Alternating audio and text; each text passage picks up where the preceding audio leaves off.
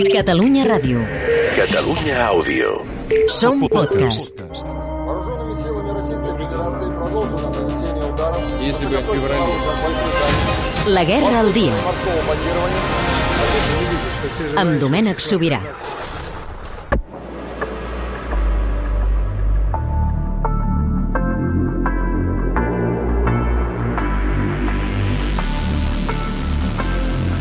Бадьорити, всміхатись, мотиваційні фрази, чи ти знаєш, скільки раз я їх Ara aquí podria dir allò de senyores i senyors, amb tots vostès des d'Ucraïna, hate speech.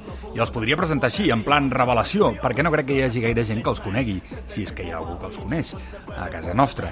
I tanmateix fan una música molt semblant al que poden fer grups de, de Barcelona, de Catalunya o d'altres països europeus. знатись, сам собі напхав, і немає сил сперечатися, Росія і сміх, моя La música potser sí, però si parlem de la lletra ja és una altra història. El que canta és en Dima, de 24 anys, d'Odessa. Ens l'ha presentat un company de viatge ucraïnès que té amics per aquí. El grup es diu Hate Speech, en anglès, i en ucraïnès de fet sona força igual, però no ens ho feu dir. Traduït vindria a dir discurs d'odi, i a fer que alguna cosa d'això hi ha en les lletres, de veritat. Per arribar a casa d'en Dima, creuem dos patis interiors d'unes antigues cases de la comunitat jueva d'Odessa, un d'aquells llocs on els veïns es coneixen tots, es tenen la roba al pati i si surten a comprar li pregunten al del costat si necessita res. Viu en un apartament petit que serveix de casa i estudi de treball amb un altell per dormir. El comparteix amb l'altre membre del grup. Bé, de fet m'aclareixen que no els agrada parlar de grup, sinó de projecte musical. En Dima sempre havia volgut dedicar-se a la música, ens explica, però fins fa uns mesos només era una afició. Ell treballava en una empresa logística, però no hi estava massa content i atenció a l'efecte inesperat que pot tenir una guerra en la vida d'una persona. Це стало війна стала каталізатором. Тобто La guerra em va fer de catalitzador. Tota la vida havia somiat dedicar-me a la música.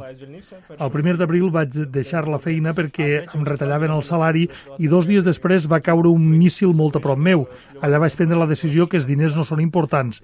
Res és més important que dedicar-te al que t'agrada. Головне робити те, що ти любиш. A partir d'aquí ens vam embrancar en una conversa sobre referents musicals, gustos, estils, que si Prodigy, que si el rap, que si Bons, que si la música dels 70, 90, que si els Nirvana, i a veure com soneu vosaltres. Fora!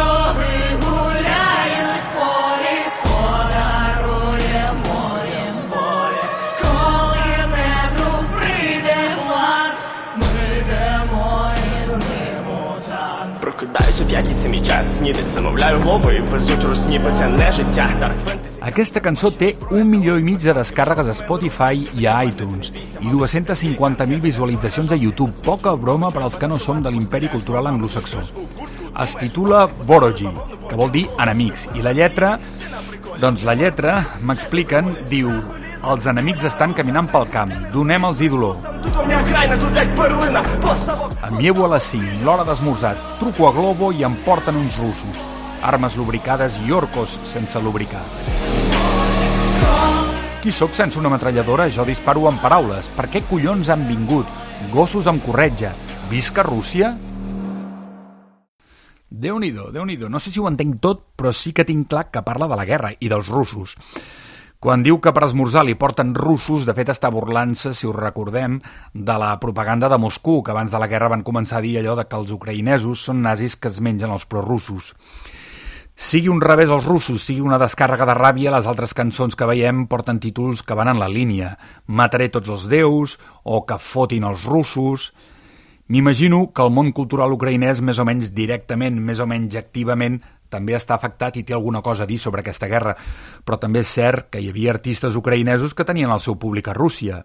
Tothom s'ha hagut de posicionar d'alguna manera o altra, em diuen Dima. Це, в принципі, загальна тенденція. Ну, у нас є артисти, які там Hi ha працювали artistes que sempre han estat aquí i dels que treballaven a Rússia uns quants es van quedar, però la majoria van venir aquí. ha passat amb molts ucraïnesos.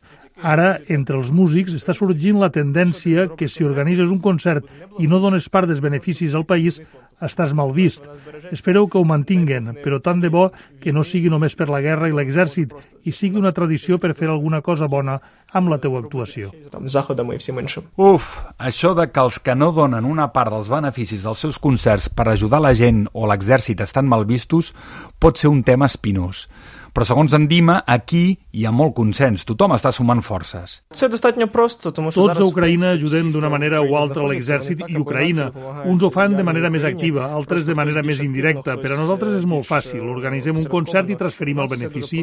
Ara aviat farem un tour, per exemple, i també tenim marxandatge com samarretes, pòsters i adhesius. Ho venem i el que en traiem no ens ho quedem, sinó que ho donem en aquests moments per a la roba d'hivern de soldats. Mentre m'ensenyen una mica com treballen a l'estudi, unes quantes guitarres i la resta tot pantalles i alguns micròfons, què passarà el dia que s'acabi la guerra, pensem? Perquè esperem que s'acabi algun dia. Cap on enfocaran el seu compromís? Defensaran altres causes? Els dominarà el patriotisme? Seran crítics amb el seu propi govern? Una nova cançó del segle XXI a casa nostra sonaria així?